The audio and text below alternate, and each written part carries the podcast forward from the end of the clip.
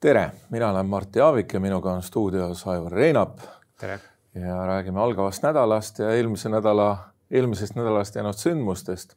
üks asi, mida kindlasti soovitan teil Postimehest vaadata, on Postimehe fondi teadusgrantide täitjate ja nende teadlaste, kes on siis Postimehe fondilt tuge saanud, tegevuse ülevaade, see just tänases lehes on. Ja Aivar kohe näitab ka seda teile. nii et äh, tegemist on tähelepanuväärse eraalgatusega selleks, et äh,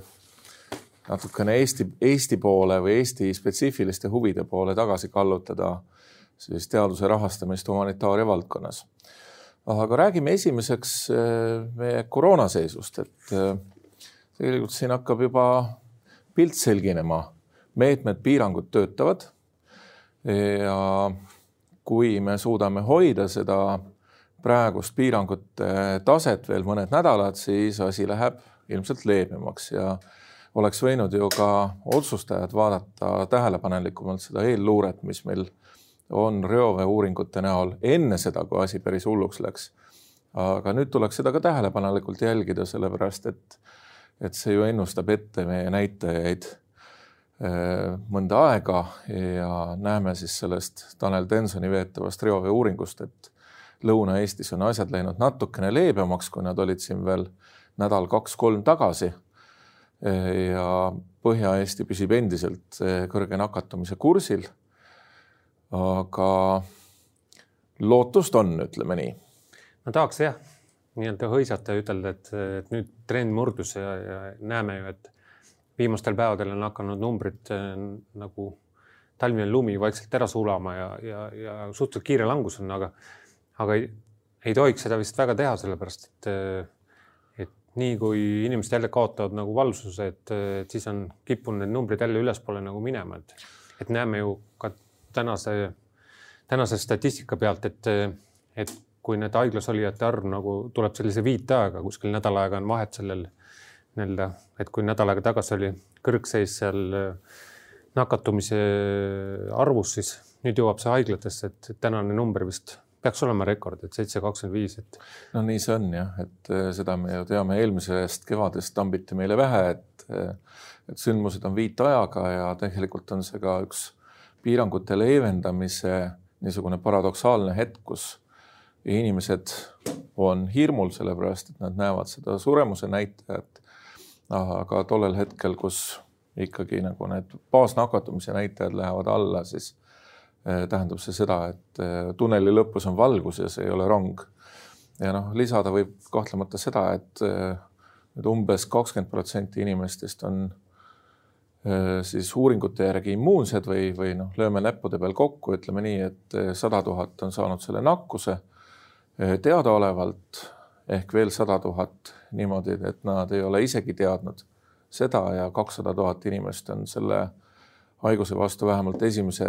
doosi vaktsiini saanud ja vaktsineerimine läheb sellel nädalal kuuldavasti, loodetavasti suurema hooga edasi, kui ta seni on olnud. no see peaks olema rekordiline nädal, et eh, nii, nii Pfizer kui AstraZeneca toovad suures koguses vaktsiini sisse ja meil on veel eelmisest nädalast Modernat ka. nii et eh, loota on, et nüüd ikkagi riskigruppid ja vanemad inimesed saavad eh, oma, oma vaktsiinisüsti kätte, kes vähegi tahavad, et, et riik on nüüd andnud ka märku, et, et selline nii-öelda, ma ei ütle, et suvaline külvamine, aga no kohati see mulje jäi, et, et see ikkagi lõpetatakse ja püütakse nüüd ikkagi vanemad grupid ära vaktsineerida, sest, sest kummalisel kombel jah, Eesti on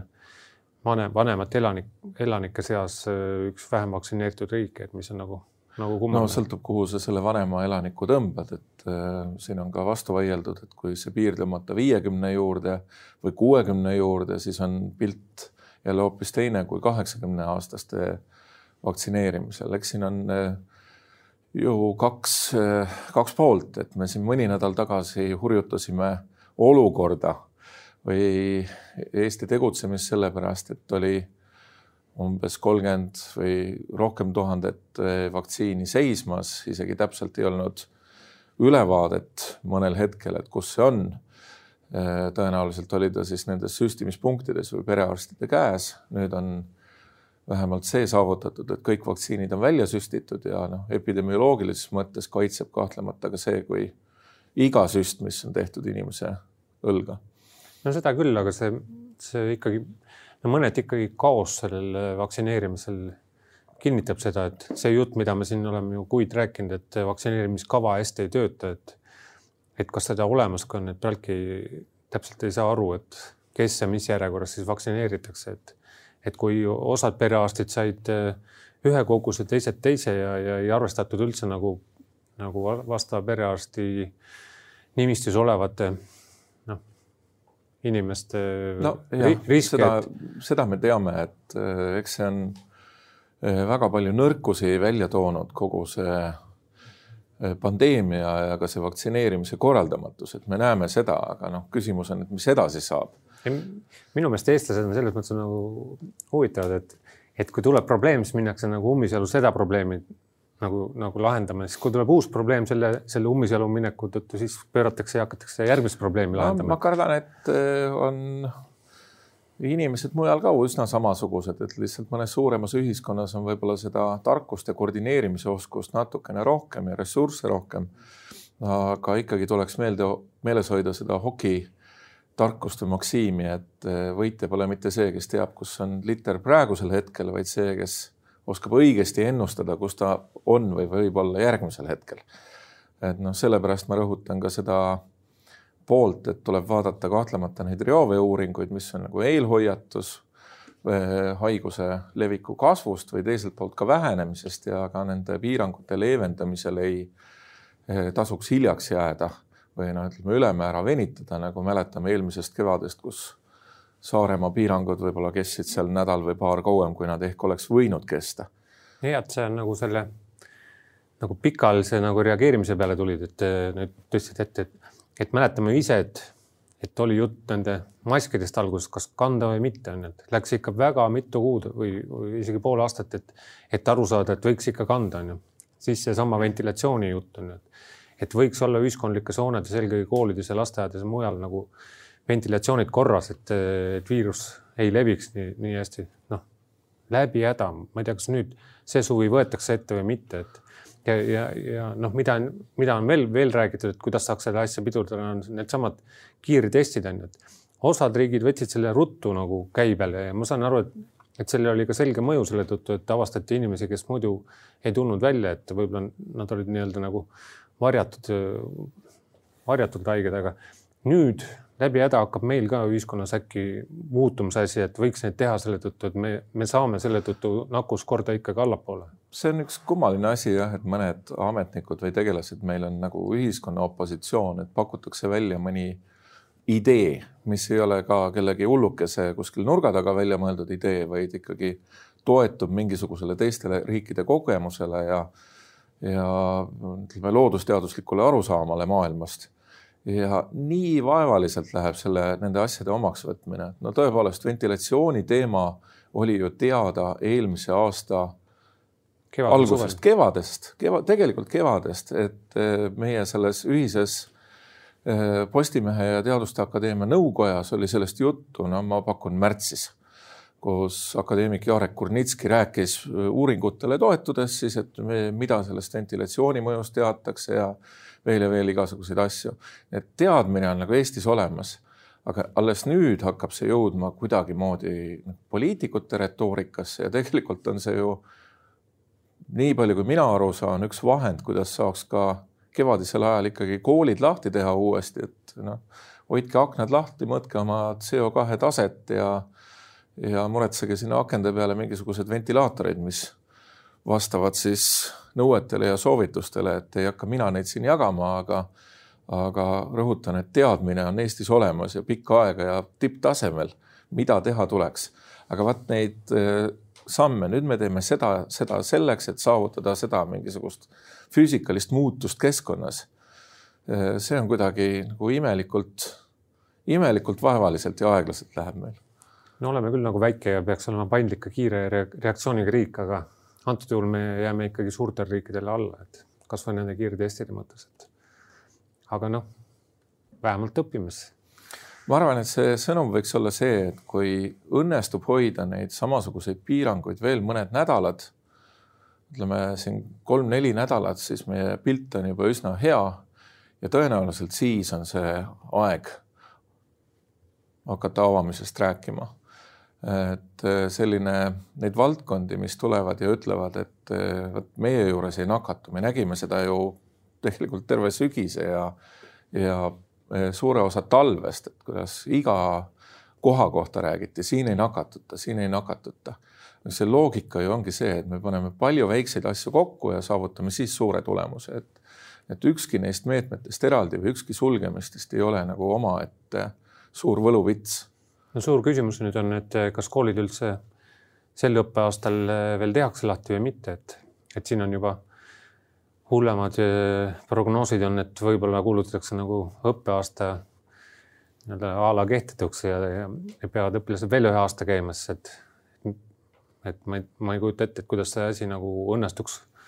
infra, infrastruktuuri mõttes nagu üle elada, et siis peaks järgmine aasta minema, tulema hiljem kooli või kuidas selline? No ma kardan küll, et see on selline kooli ja koolis tehtava tehtavate tegevuste ülemüstifitseerimine on siin see üks pool ja teine pool on see, et et hea valitsus ja teised otsustajad, et vaadake ikkagi otsa arvudele, liiga kaua ei ole mõtet kinni hoida. et mõlemas otsas on tehtud viga, jäetud reageerimata siis, kui oleks sellel reageerimisel olnud mõtet. kiiresti koolid kinni, mitte venitada veel nädal või kaks, eks ole, selle mõtlemise aja, ajaks ja ja siis jõuda ikkagi samale tulemusele, et näete, Eesti ka ei ole teistsugune maa kui, kui mõned teised, et meil levib ka Briti tüvi. ja siis näeme, et no nüüd tuleks koolid kinni panna. selle lahti tegemisega ei ole vaja ilmselt ka nagu hoida äh, nagu viimase vindini, eks ole. see on see tagasihoidlik mõte, aga see ei tule praegu ja see ei tähenda seda, et me võiksime minna üksteist kallistama ja Eh, võõraid inimesi musitama tänavatel, et, et hoida tuleb veel hulk aega. no seda küll, aga võib-olla tõesti võiks sel samal moel nagu siin aasta lõpus juba osad koolid tegid, et osad klassid on koolis, teine pool on koduõppel, et et mulle tundub, et kui sa kriisist midagigi õppida, et siis see, see nii-öelda digiõpe või, või kaugõpe, et, et see vist hakkab küll juurduma, et kui ma oma laste pealt vaatan, et, et õpivad küll ja on võimalik küll nii õppida, et et ma usun, et, et see annab tule, tulevasse hariduskorraldusse kindlasti suure nagu tõuke juurde, et. no eks siin on neid niisuguseid kaugmõjusid, mida avastatakse, on tõenäoliselt veel, et üks asi, mis mind väga huvitab, aga ei ole selget vastust saanud, on näiteks silmaarstide tagasiside. kui tavaliselt soovid, on soovitused kogu aeg seda ekraaniaega piirata ja praegu on lastel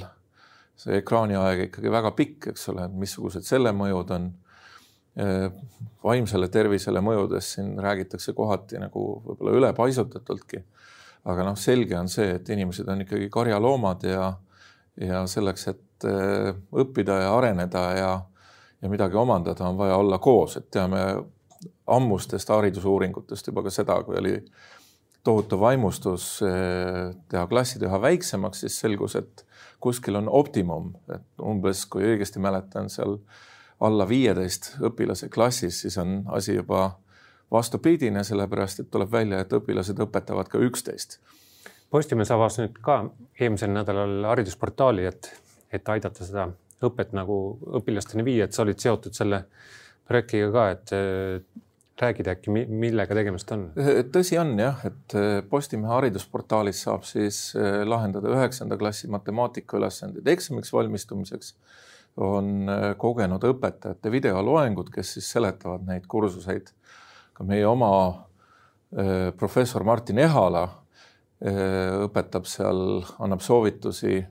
siis gümnaasiumi lõpetajatele, kuidas eesti keele eksamit teha ja seal on mõned testid et seda tasub vaadata ja õpetajatel kindlasti ka, et eh, me hakkame sinna seda materjali nüüd eh, läbi aasta lisama, et seal tuleb huvitavaid asju veel ja veel. aga noh, suures plaanis on ikkagi nii, et, et inimestel on vaja eh, kontakti, et ega selle vastu keegi ei vaidle, et ma olen ka selles samas saates alati korduvalt jutlustanud seda, et paneme need koolid kinni. aga küsimus on, mis hetkel sa seda teed. et noh, need katastroofijutud võiks tegelikult kõrvale jätta, et kuidas terve aasta vahele jääb, et tähtis on see, et lapsed saaksid selgeks need asjad, ilma milleta nad ei saa edasi minna oma järgmiste teadmiste omandamisel. Ja igas aines on selliseid äh, nagu baasteadmisi, mis peavad selgeks saama ja ilmselt neile tulebki rõhku panna, et nii matemaatikas kui ajaloos ja, ja kõikvõimalikes valdkondades, et et seal üks või teine detail jääb ära või ehk meelde ei jää, noh, suurel, suurel jaol inimestel niikuinii ei ole need asjad meeles, et et äh, ma arvan, siin ühesõnaga ei tahaks sellist katastroofi meeleolu kuulutada. aga minge siis vaatama, et äh, aadress on haridus.postimees.ee, et, et vaadake, tehke teste ja, ja andke tagasisidet, et mida teistmoodi teha. aga räägime nüüd ühest äh, eelmise nädala väga huvitavast ja inimeste meeli erutanud sündmusest ja see on see, et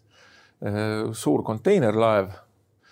Ever Given sulges õnnetu juhtumi tõttu päevadeks Suessi kanali, kust liigub läbi üle kümne protsendi maailma kaubandusest. Euroopale on ta veel olulisem, sellepärast et see on otsetee Aasiast, nii Indiast kui, kui Hiinast meieni, siis Vahemerre. ja nüüd on eh, inimesed igasuguseid fantaasiaid hakanud esitama nagu, nagu tavaliselt ikka, kui mõni selline ootamatu sündmus juhtub, siis räägitakse, nüüd ei ole maailm enam endine, nüüd kõik muutub, aga mis võiks olla see, mis realistlikult võttes muutub? no suhteliselt huvitav, huvitav sündmus, et, et ei kujuta ju hästi ette, et eh, selline koht, kus on kõik, tõenäoliselt käib nagu mööda joonlauda, et laevad ju suurtes kogustes läbivad seda seda kanalit, et, et on võimalik üldse selline juhtum, et, et suur laev siis pöörub tõesti risti ja keegi sealt mööda enam ei pääse, et kogu, kogu nii-öelda kaubandus siis seisab, mis sealtpoolt Euroopa suunas tuleb või, või, või ka Ameerika suunas, et, et noh, viimased just ennem, ennem seda saadet olid just sündmu-, need teated, et,